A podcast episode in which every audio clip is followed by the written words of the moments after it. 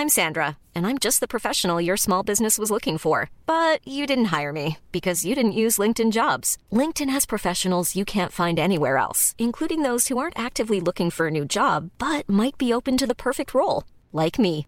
In a given month, over 70% of LinkedIn users don't visit other leading job sites. So if you're not looking on LinkedIn, you'll miss out on great candidates like Sandra. Start hiring professionals like a professional. Post your free job on linkedin.com/people today. There's never been a faster or easier way to start your weight loss journey than with PlushCare. PlushCare accepts most insurance plans and gives you online access to board-certified physicians who can prescribe FDA-approved weight loss medications like Wigovi and Zepbound for those who qualify. Take charge of your health and speak with a board-certified physician about a weight loss plan that's right for you. Get started today at plushcare.com slash weight loss. That's plushcare.com slash weight loss. plushcare.com slash weight loss. Hey Dave, Yeah, Randy. since we founded Bombus, we've always said our socks, underwear, and t-shirts are super soft. Any new ideas? Maybe sublimely soft. Or disgustingly cozy? Wait, what? I got it. Bombus. Absurdly comfortable essentials for yourself And for those facing homelessness. because one purchased equals one donated. Wow, did we just write an ad? Yes. Bombas. Big comfort for everyone. Go to bombas.com slash ACAST and use code ACAST for 20% off your first purchase. Hei, og velkommen bak scenen. Jeg heter Trond Harald Hansen, og i denne podkastserien skal du få bli med i kulissene på norsk showbiz-bransje når jeg snakker med skuespillere, artister, produsenter og programledere. Og i dagens episode får jeg besøk av Åge Steen Nilsen. Bak scenen med Trond Harald Hansen. Er vi enige om at det store gjennombruddet det kom i 2005? Det store gjennombruddet kom i 2005, men eh, jeg tror vi hadde et ganske bra gjennombrudd i 2004 med Wigwam, da vi gjorde eh, Grand Prix for første gang med Crazy Things. da, det var liksom den som fikk, eh, fikk oss opp og stå, og det var den turneen vi hadde på bakgrunn av, av den singelen og den skiva, den, det var ganske, det var ganske omfattende år. Så når når 2005 kom og, og vi var headhunta for å være med enda en gang, og vi eh, vurderte kanskje ikke Been There Done That, eller eh, Så er jeg jo nå veldig glad for at vi takka ja, for det er klart at det har gjort eh, artistlivet mitt mye lettere. Var det en sånn barndomsdrøm, eller, å bli artist? Eh,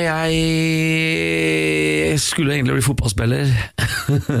det var det som var drømmen. Men så, så kom jo Elvis og Beatles inn i livet mitt, og så etter hvert Kiss og Queen. Og, og sånn, klart når jeg begynte å, begynte å ta frem gitaren og øve gitar, liksom, så var jeg vel gitarist som var liksom drømmen først. Men i første bandet mitt så var det ingen som sang, og eh, så fikk vi med en gitarist som var bedre enn meg, og så var det vanskelig med riffa og sånn og synge alt det jeg hadde lyst til å synge, så etter hvert ble jeg heller vokalist. Så jeg klarte eh, opp gjennom uh, ungdomsåra da, så var det jo en drøm å kunne leve av musikken og ha det som jobb, men jeg jeg hadde et ganske nøkternt forhold til det, for jeg så så, så, så mange kompiser som eh, ga blaffen i både utdannelse og ting, at jeg bare satsa musikk 100 Og så hvor uh, kjipt de fikk det etter hvert, hvor de faktisk måtte ta, takke ja til det som var krisejobber på den tida, altså sånn dansebandjobber, rene prostitusjonsjobber, liksom. Hvor de etter hvert mista liksom uh, inspirasjon til å holde på, og hvor de ikke hadde tid til å uh, forfølge det de egentlig har lyst til å gjøre, da, som var å skrive musikk og gi ut originalmusikk. Så jeg tok meg en utdannelse som vernepleier, og jobba liksom parallelt med å bygge opp en karriere med å ha en fast jobb og en trygg inntekt, på en måte. Så men nå har jeg jo livernært meg 100% av musikken siden jeg tror det var 2002. Er det krevende? Det er det, for du er din karriere. egen sjef, og du, eh, du skal Det er klart, får jeg ikke noen spillejobber, så tjener jeg ikke noe penger. Selger jeg ikke noen plater, så tjener jeg ikke noe penger. Eh, og, og så skal man helst gjøre de rette tinga, og så er det noen ganger det er eh, jobber du får som det er mye penger involvert, som du kanskje ikke egentlig har lyst på, men så kanskje du må ta de jobbene. Så, det er jo mye sånn som man eh, hele tida må vurdere sjøl, da. Eh, og eh, øh, Og ikke minst det å hele tida være aktuell med noe, på en måte. Jeg har jo jeg har produsert eh, show hvor, eh, hvor vi har gått underskudd og tatt sjanser og gått konk. Og, så det er, ikke, det er ikke noen lett business. Det er klart at hvis, hvis jeg skulle hvis jeg skulle valgt en forretningsmodell, altså tenk, hvis jeg skulle tenke på penga, så hadde jeg heller solgt sokker. Altså. Det er klart at det er mye mer penger i å selge sokker, eh, eller underbukser eller sånt noe. Men det er jo, drivkraften er jo musikken, og det å få lov til å leve av og leve med det som du Som alltid var drømmen din, og som, som gir deg en grunn til å stå opp hver morgen, det er klart det er, det er herlig. Litt mer inspirasjon enn sokker. Litt mer inspirasjon enn sokker. Det er klart at Hadde jeg holdt på i sokkebransjen, så hadde jeg, så hadde jeg vel eh, sikkert eh, hatt et litt annet eh, Et annet privatliv, kanskje. Litt, litt mer annen type fritid enn det jeg har nå. Altså nå, nå spiser mye av jobben opp fritida mi, men samtidig så er det hobbyen min, så det er en sånn glidende overgang. da Hvordan er den prosessen da, fra da du er forholdsvis ukjent da, til at du begynner å få flere oppdrag, du begynner å få et navn? Det, det var en, eh, jeg, jeg har gått den lange, tøffe veien, for å si det sånn. Jeg jobba lenge som trubadur. Eh, reiste rundt og spilte tre, ofte fire sett på mørke puber, og for et eh, ganske berusa publikum som skulle høre det de ville høre. Eh, men jeg fikk nå 500 spenn for kvelden. altså, vi var der, liksom. Kom hjem på morgenen og blodskutt og ut på jobb på mandag igjen, og helga ble brukt til å spille. Eh, Men etter hvert så begynte jeg begynte å få litt eh, andre typer oppdrag, og så hadde jeg jo et, hadde et band som, eh, som slapp en singel, og vi begynte å gjøre litt konserter, og det, det ene tok det andre. Men det som egentlig satte i gang ballen for meg, var når jeg takka ja til å være med i Russerevyen. Da holdt jeg egentlig på med et, et kjellerrockband. Og det var liksom én for alle, alle for én, og så takka jeg ja til å synge noen sånn popgreier på På denne russerevyen, og der traff jeg min nåværende kollega Gust Jutterdal, som, eh, som jeg produserer Queen-showet mitt sammen med. Og han var regissør på dette uh, russeshowet, og uh, dro meg med på en del show. Og gutta i dette rockebandet de syntes det var dritkjipt, da jeg var litt sånn Judas og sånn. Men uh, hadde, jeg, hadde jeg ikke takka ja til det, så kanskje jeg fortsatt hadde stått og råtna i en eller annen kjeller og, eh, og jobba som uh, eiendomsmegler eller noe sånt. Kanskje et fint liv det òg, men eh, jeg er glad jeg valgte Russerevyen og, og fikk eh, liksom litt bein å gå på ute i noen showbiz. Og så, og så endte det jo med at jeg dro inn på en audition da, på en musical her i, i Oslo, Hair. Eh, den der hippie-musicalen. Eh, tenkte det, har jeg- det har jeg lyst til. Det var liksom litt smårocka musical, liksom. Og da, da fikk jeg rollen som Woof, en av disse hippiene. Så jeg spilte jo spilte et halvt år hvor jeg da pendla fram og tilbake fra jobb til Nei, fra skole, da gikk jeg faktisk på sko- skolen. Fram og tilbake til Oslo hver dag. Spilte jo eh, onsdag, torsdag, fredag, lørdag. Uh, og derfra da fikk jeg jo være med på åpninga på TV 2. Var jo med og opptrådte der og traff nye folk igjen som jeg fikk nye jobber av. Og så, sånn er det, det går mye på kjennskap og det med å lære seg bransjen. Og jeg, jeg har nå gjort alt du kan gjøre i denne bransjen. Jeg har, jeg har vært eh, programleder på TV, jeg har vært programleder på radio, jeg har vært showprodusent og er showprodusent, jeg er låtskriver, jeg er, har vært trubadur, jeg holder på med svære show, eh, jeg holder på med rockeshow. Og nei, det, er, det, er, ganske få ting ikke jeg har gjort nå, altså.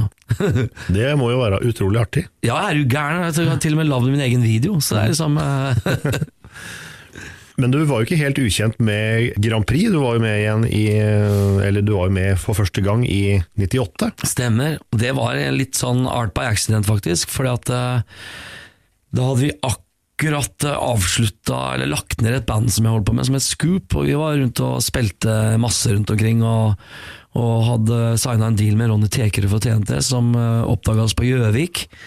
Vi var jo et band som egentlig spilte litt sånn Who-aktig, litt sånn vintage eh, rock. Og, og så ble vi egentlig dratt litt i filler i studio hos Ronny, som egentlig kanskje ville dra det litt mer i heavy retning. Og jeg fulgte gladelig etter, for det er den tradisjonen jeg kom fra. Og så ble det på en måte litt sprikende, og så mista vel gitaristen og trommeslageren eh, foten for det, og så ble det ikke noe mer. Så da begynte jeg å lage mine egne demoer, og tenkte da nå kjører jeg solo, liksom. Så da hadde jeg eh, faktisk begynt å spille inn eh, en del låter i et studio i Sarpsborg, og hadde en eller annen merkelig idé om at jeg syns det var så uh, utrolig fascinerende med språk. Hvor mye språket har innvirkning på, på en enkelt låt. da. Og på, ikke, ikke bare det, men også både sound og, og uh, tekstmessig. Så jeg spilte inn alle låtene både på engelsk, svensk og norsk. Oh, ja. Så jeg hadde en eller annen merkelig, morsom idé om at uh, det har jeg lyst til å gjøre. Gi ut en skive på svensk, norsk og engelsk. Og hadde en runde. Jeg var jo signa da plutselig opp mot med et publish, publishingselskap som het BMG, og de presenterte meg rundt for uh, mye forskjellige plate, uh, plateselskaper på den tida. Satt til og med på Universal og spilte akustiske fremførte låtene i lunsjmøter og sånn. Så var det eh, hos et selskap så var det en produsent der som het Kyrre Fritzner, som nå spiller i CC Cowboys. Han, han catcha veldig greia mi, og første han gjorde, var å dra meg med inn på kontoret sitt og si Du, har du lyst til å bare høre på den låta her? Den låta den er med i Grand Prix, kunne du tenkt deg å sunge den? Så kunne det være liksom en type oppstart på et, et samarbeid. Så jeg ble med å skrive litt på låta, så den føltes litt mer eh, ekte, og så, så ble jeg med på det, da. Og når da plata endelig skulle ut, så viste det seg at selskapet de syntes det var litt for rocka, så jeg måtte begynne å moderere meg og sånn, og det eh, Da var ikke jeg så veldig klar for å gjøre noe kompromiss. Jeg hadde lyst til å eh, ha litt rocka skive. Eh, jeg var ikke klar for å ha sånn smørpop, sånn som den singelen var.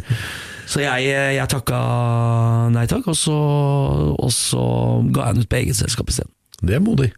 Ja, men uh, da fikk jeg gitt ut den skiva jeg hadde lyst til å gi ut, og den, den skiva ble relansert i 2006 uh, under tittelen Wolf and Butterfly, og er uh, en skive som jeg er stolt av, og som jeg spilte inn hos Freddy Holm i Halden, som, som også jeg har tatt opp samarbeid med, som var med å, var med å produsere det nyeste soloalbumet mitt. Da. Ja.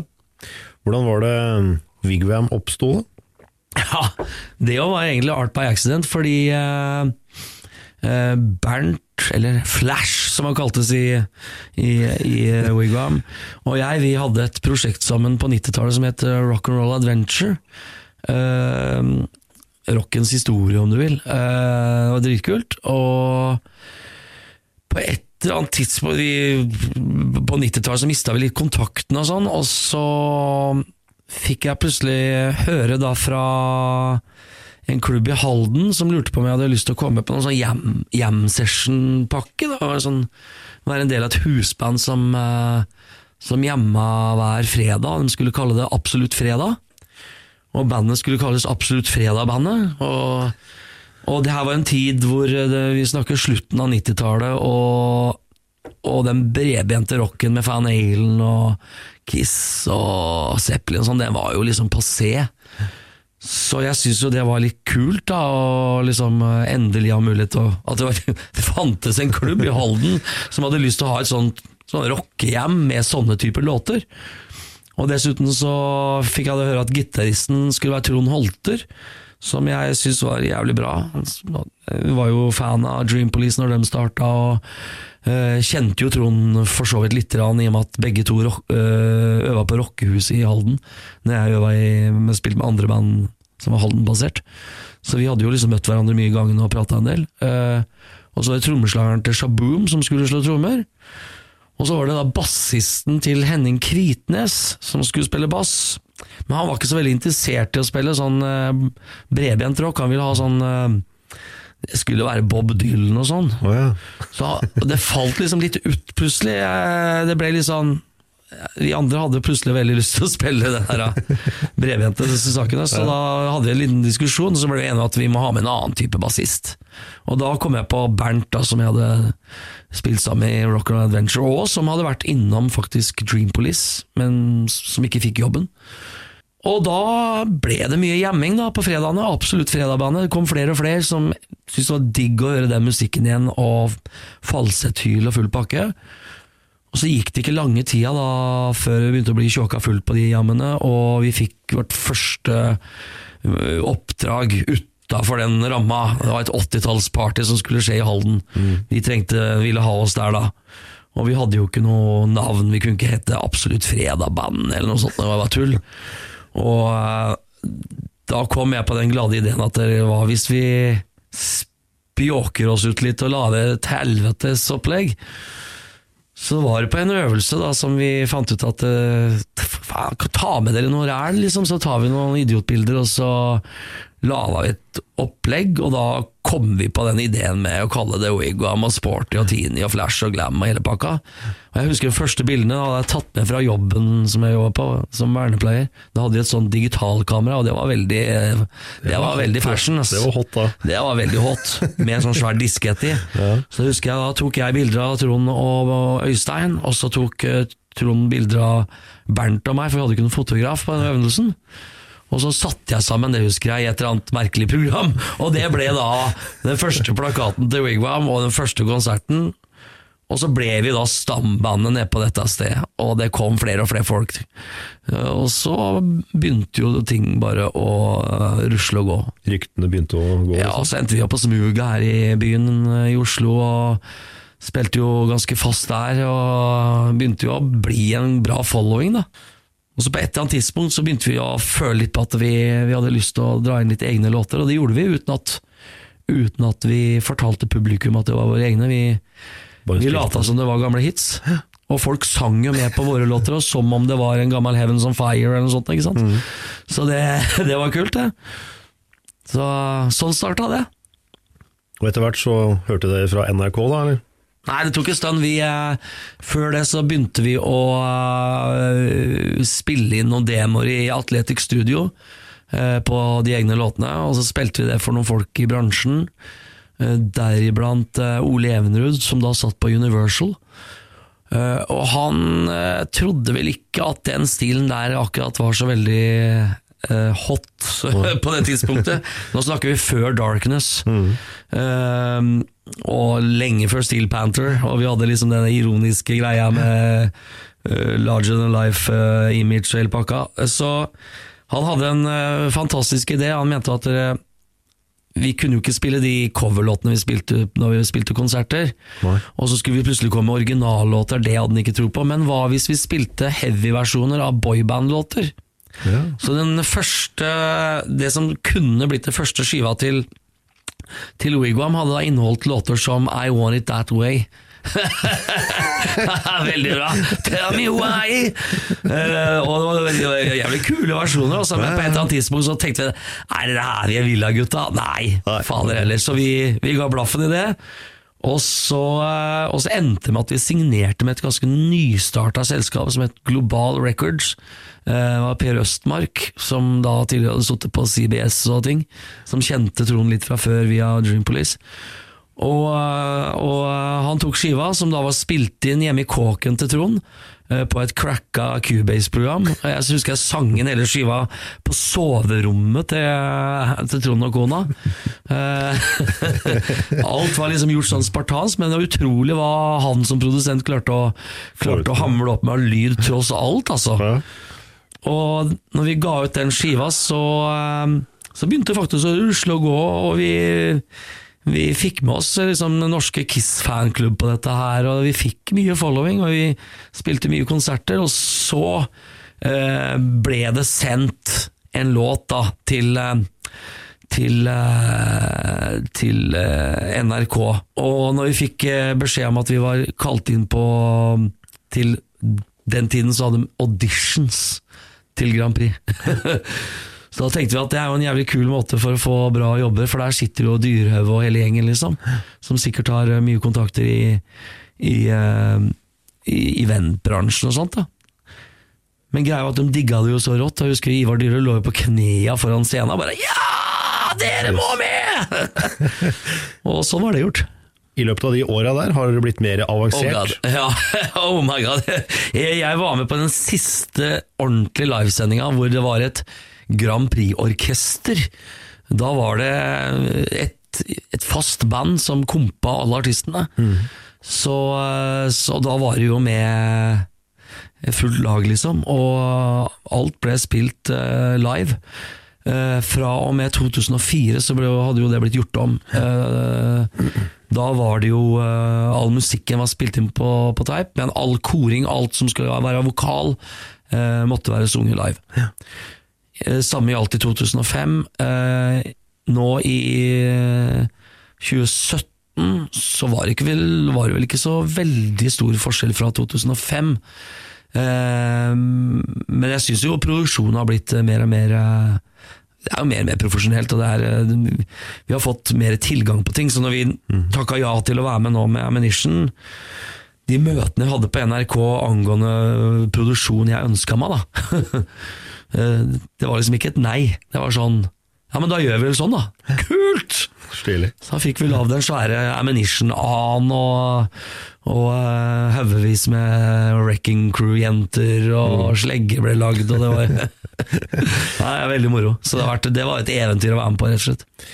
Etter at uh, seieren da var inn innkassert i 2005, så, så blei det egentlig kaos uansett hvor dere var. Ja, det var, det var kaos. Og livet var i kaos, og hodet var et kaos, og uh, alt var i kaos. Det var, det var ikke lett å stå i, for å si det sånn, for vi uh, For å si det sånn, vi var jo eh, vi var jo fire voksne mennesker som plutselig fikk drømmen eh, liksom rett i fanget, men som alter-egoer. Alter -egoer. så det var liksom ikke Trond, Bernt, Øystein og Åge, det var Glam, Flash, Tini og Sporty. liksom. Og det, Det var liksom ikke dere. Nei, det var kari karikaturer, på en måte, Det var figurer, eh, men samtidig så eh, så hadde folk troa på altså Det var en veldig merkelig tilstand å være i, for at du skulle du, Den aktiviteten som var, da altså det, var omtrent hver dag så var det et eller annet, og du skulle inn i den rollen. Så jeg ble jo faktisk rett og slett en slags fanga inn i den der eh, rollefiguren Glam, da, som, Ja. som var clean fucking sprø. Og eh, det gikk jo unna, og etter hvert så Du lever jo i en slags boble hvor, eh, hvor alt er Hey, I'm Ryan Reynolds. At Mint Mobile, we like to do the opposite of what Big Wireless does. They charge you a lot, we charge you a little. So naturally, when they announced they'd be raising their prices due to inflation, we decided to deflate our prices due to not hating you. That's right. We're cutting the price of Mint Unlimited from $30 a month to just $15 a month. Give it a try at mintmobile.com slash switch. $45 up front for three months plus taxes and fees. Promo rate for new customers for limited time. Unlimited more than 40 gigabytes per month. Slows. Full terms at mintmobile.com. You should celebrate yourself every day, but some days you should celebrate with jewelry. Whether you want to commemorate an unforgettable moment or just bring some added sparkle to your collection, Blue Nile can offer you expert guidance and a wide assortment of jewelry of the highest quality at the best price. Go to BlueNile.com today and experience the ease and convenience of shopping Blue Nile, the original online jeweler since 1999. That's BlueNile.com. BlueNile.com.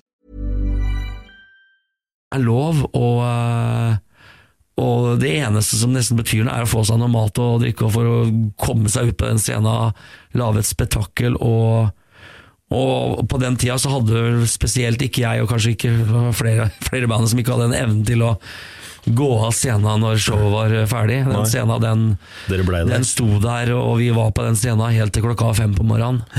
Og det er klart at øh, det var morgener vi våkna opp og, og hadde fylleangst, for å si det mildt. Spillestedene da, var det ordentlig seriøse steder, eller var det ute på lokalet og holdt det, holdt det på å si? Ja, det var både og. Vi var jo et uh, folkets band, kall det hardrockens DDE, vil jeg si. Så vi spilte mye ut på bygda, men vi spilte på jævlig mye kule steder. Vi spilte jo vi spilte jo på mye altså, martnar og store sånne åpne plasser og, og ting. Vi spilte oss på vanlige rockescener rundt omkring, og vi på den tida her så begynte vi å spille mye i utlandet òg, så vi, vi, spilte jo på, på, de største scenene i Japan og sånn. Uh, Shibuya East og, og sånt, og i, i, England og ikke minst Island. Uh, vi turnerte med Gotthard, største bandet fra Sveits, uh, i flere uker, på veiene i Tyskland. på i svære ishaller og gymsaler og gud vet hva, mm.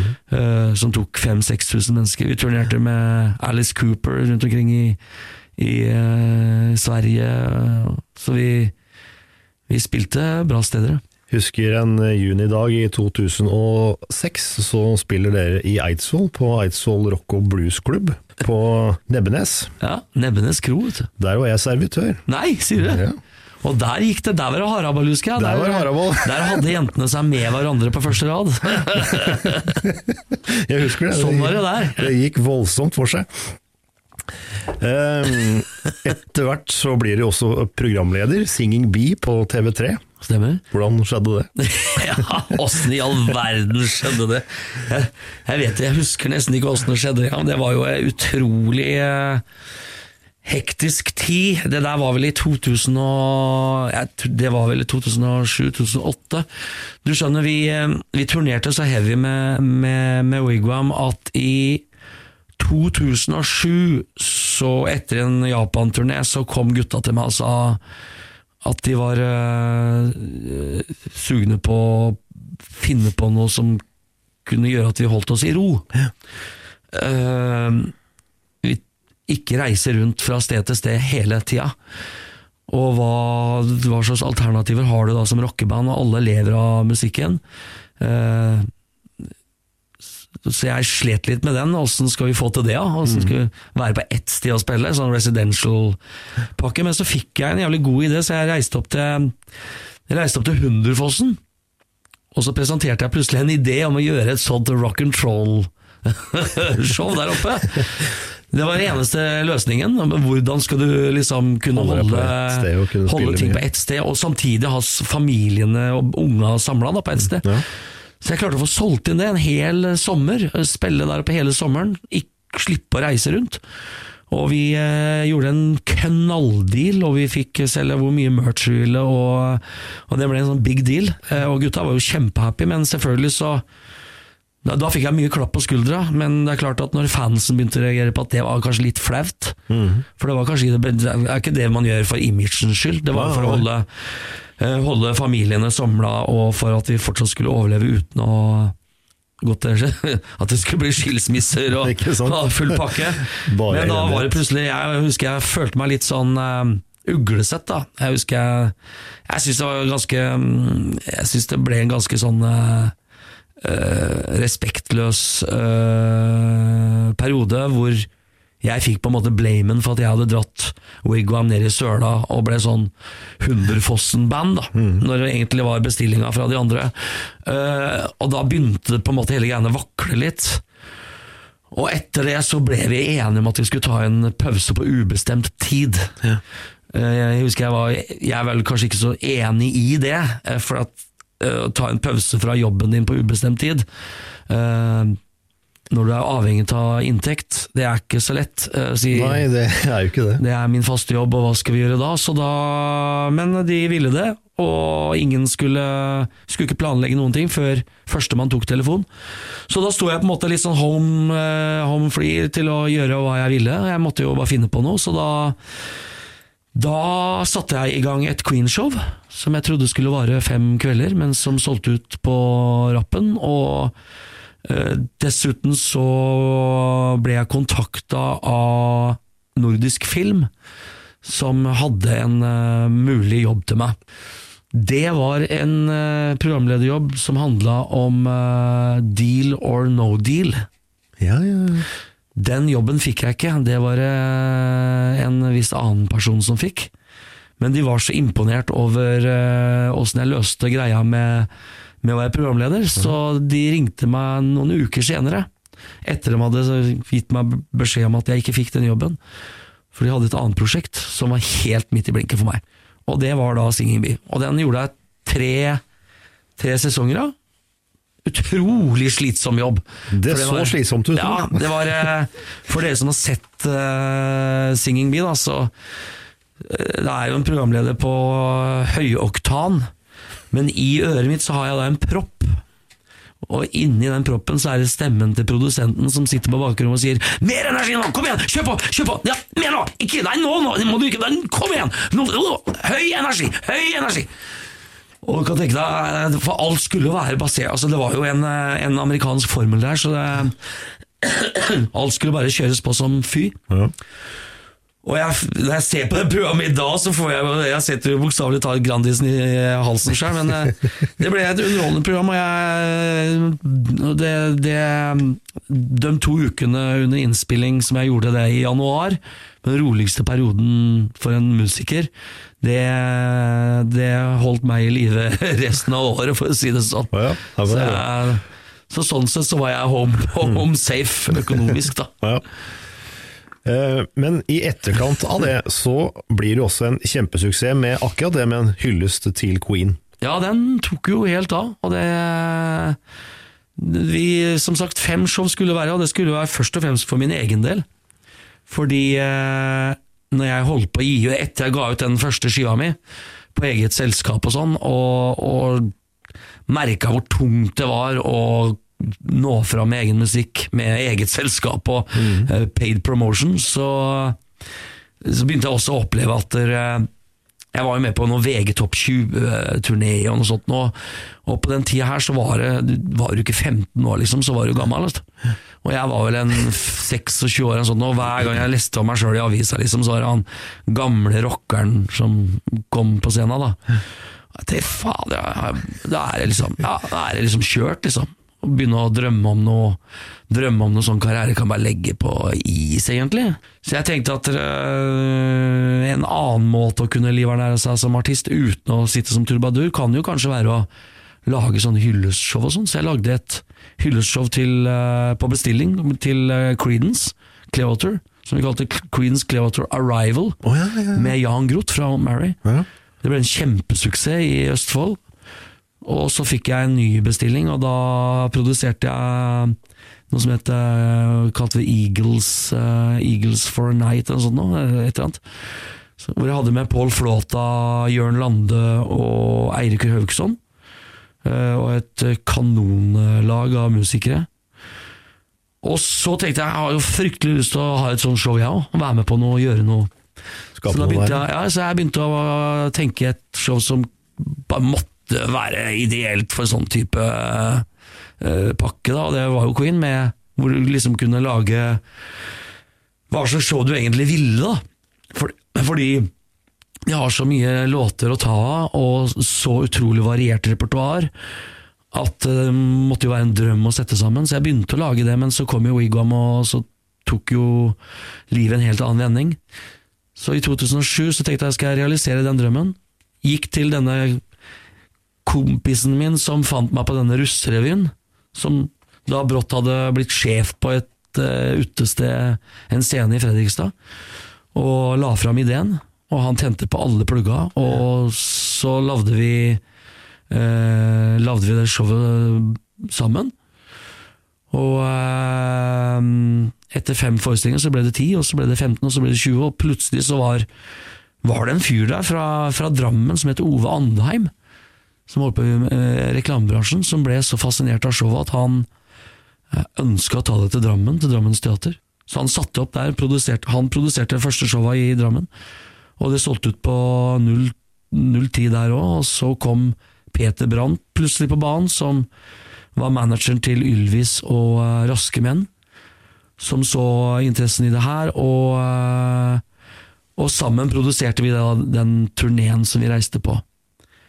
Så når gutta i Wigan ringte meg da utover i 2008 og var klare for å sette i gang igjen, da da kom den perfekte punchline I hate to tell you I told you so. da, Nå er jeg ferdig. Ja, da hadde vi booka et år til, ikke sant? så det var jo supersuksess. Ikke sant? Så da husker jeg da da, da ble jeg også litt småfurt, for da var det plutselig jeg som hadde skylda igjen for at vi ikke kom sammen. Ikke da var det plutselig jeg som var syndebukken. Han der jævla glam-figuren som bare tenker på seg sjæl. Ja, thank you, ma'am. Må leve, jeg også, si. Ja, så, men vi begynte da, og da begynte vi å rusle litt med det albumet som da skulle komme i, eh, i 2010. Har du alltid vært fan av Queen, eller? Vet du hva? Eh, jeg var jo først Først Elvis, og så kom Beatles, og så husker jeg satt og så på TV-en eh, en gang. eh, og det var et band da som het Queen, som jeg digga rått. Som jeg hadde Noen hadde spilt for meg på en kassett, faktisk, i en campingvogn i, Sverige. Noen svensker som var med på at jeg måtte høre på det her. Og det var drittøft. Det var eh, Queen Killers, liveskiva. Og så så jeg dem på TV-en, og da skjønte jeg ikke helt at det var det samme bandet, for da, da sang de eh, We Are The Champions, og, og eh, jeg skjønte liksom ikke Jeg hadde forestilt meg at de så annerledes ut. Plutselig var vokalisten i eh, trikot og, og ballettsko! Så, hva faen? Hva skjedde her? Er det dem? Men jeg ble litt fascinert av dem, og så digga musikken også, men akkurat den perioden der så kom jo de eh, popskivene deres og sånt, og så da Og da var det liksom ACDC var litt kulere, og Kiss var litt kulere, og Sweet og litt sånn, så jeg eh, Da hadde jeg liksom begynt å høre en del på de gamle Queen og var fan, men liksom så stoppa det på en måte det nye Queen. Bare liksom, ikke- det låt jo ikke sånn som Queen skulle låte. Men jeg, jeg kom tilbake igjen på eh, utover på 80-tallet, men da var det for sent å dra og se dem live òg, så jeg fikk aldri sett dem live med Freddy. Nå om dagen så skjer det også veldig spennende ting. Det er mye. Du har, eh, har signert eh, distribusjonsavtale i Italia. Ikke bare distribusjonsavtale, vi har, eh, for en gangs skyld så har vi signert en platekontrakt med, platekontrakt med Frontiers uh, Music, som er det er jo verdens, det er verdens største selskap i denne sjangeren. De har jo, de har jo kontor over hele verden, og, og band som Whitesnake og Journey og you name it. Hvordan oppleves det? Du, det oppleves eh, veldig bra. Jeg syns de gjør en knalljobb. Eh, jeg har vært veldig skeptisk til dem. Vi var, på, vi var eh, lisensiert til Frontiers med, med Wigwam i 2010 med Nonstop Rock'n'Roll-skiva og Wall Street, som kom i 2012. Så vi har jo samarbeida før. På Nonstop Rock'n'Roll i 2010 funka det veldig bra. Eh, da hadde de et fint norsk team, og eh, vi jobba godt sammen. Og den skiva den eh, gikk unna. 2010 var et av de beste åra for Wigwam. Da var vi da var vi liksom tilbake igjen, og vi fikk jo drahjelp fra korslaget når jeg vant det, og vi slapp Do You Wanna Taste It, som ble en kjempehit, og dro på verdensturné, rett og slett. I 2012 så var det litt lufta gått ut av ballongen, og da var ikke Frontiers like på banen heller, følte jeg. Da husker jeg var litt frustrert.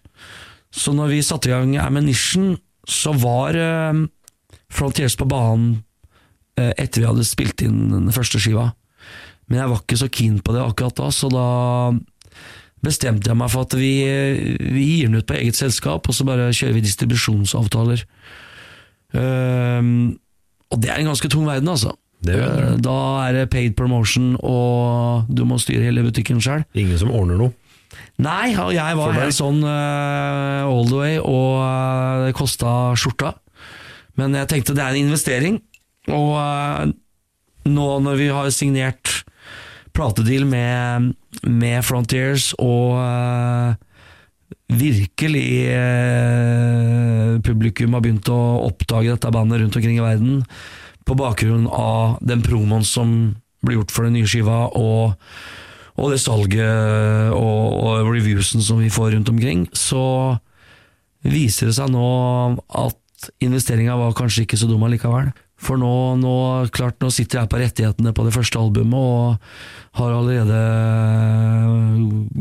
kjørt seg inn på listene. På bakgrunn av det nye albumet så skal folk kjøpe back-katalogen, og da var den plutselig inne på 25. plass på den vanlige lista, generell liste i India. og nå høyt oppe på lista i Nederland og Tys i Tyskland. Eh, og noen singler fra, fra skiva som plutselig hadde charcha, og det, det, var, det er kult. Hvor er det turneen går hen nå, da? Du, nå har vi jo hatt det sånn at jeg eh, gjorde jo Grand Prix nå i, i januar for et år siden, vel vitende om at vi ikke hadde tid til å dra på noen turné. Vi spilte bare noen fåtall konserter i fjor. Eh, fordi jeg er jo på denne turneen, avslutningsturneen med The Show Must Go On. Mm. Som varer helt uh, fram til egentlig 7. april, siste jobben. Uh, men uh, vi, uh, vi setter da i gang slutten av mars. Da da har liksom skiva fått satt seg litt, og så, sånn sett så funker det bra.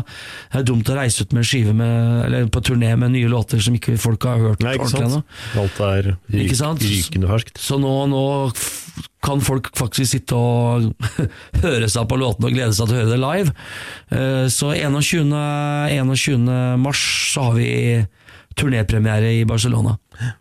Og så er det Madrid dagen etter, og så er det Vitoria og Gallia, er det vel, og eh, så er det i Saragossa, og så drar vi oppover mot Tyskland. og Vi starter i det som heter Karlsruhe, og så Mørnbach, er det vel, og fire-fem jobber i Tyskland før vi vender nesa til Italia, hvor vi spiller i Milano, og så skal vi oppover til eh, Danmark, og så videre til Sverige, og så ender vi opp ender vi opp eh, i Norge den eh, 11. og 12. mai. 11. mai på Vulkan Arena, aldri spilt der før, eh, gleder meg.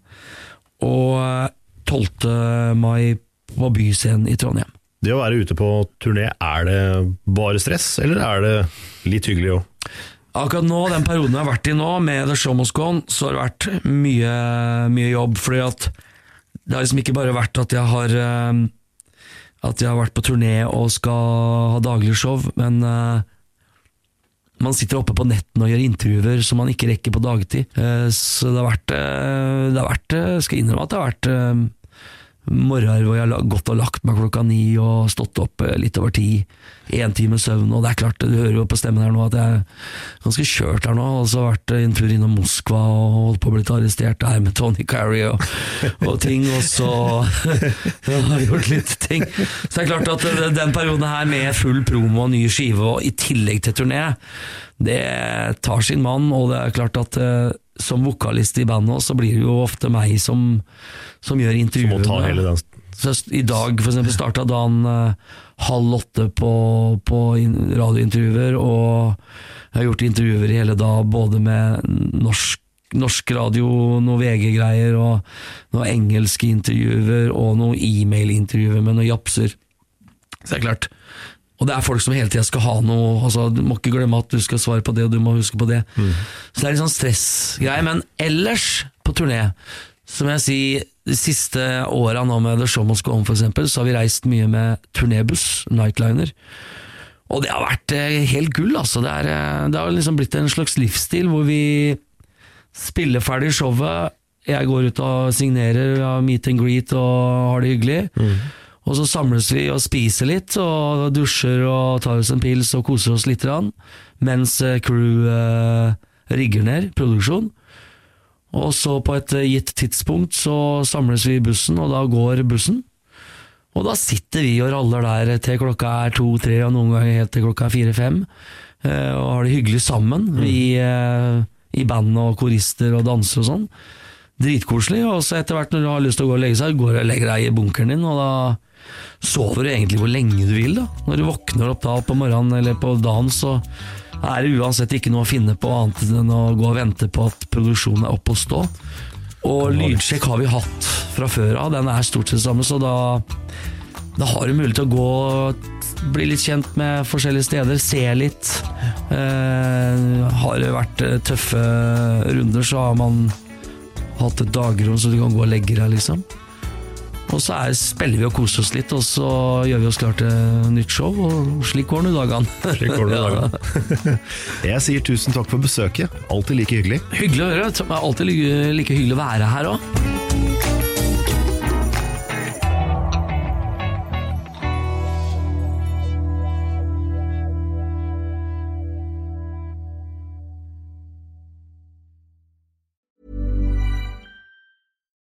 We're on a budget, we still deserve nice things. Quince is a place to scoop up stunning high-end goods for 50 to 80% less than similar brands. They have buttery soft cashmere sweaters starting at $50, luxurious Italian leather bags, and so much more. Plus, Quince only works with factories that use safe, ethical, and responsible manufacturing. Get the high-end goods you'll love without the high price tag with Quince. Go to quince.com slash style for free shipping and 365-day returns. Even when we're on a budget, we still deserve nice things. Quince is a place to scoop up stunning high-end goods for 50 to 80% less than similar brands. They have buttery soft cashmere sweaters starting at $50, luxurious Italian leather bags, and so much more. Plus, Quince only works with factories that use safe, ethical, and responsible manufacturing. Get the high-end goods you'll love without the high price tag with Quince. Go to quince.com slash style for free shipping and 365-day returns.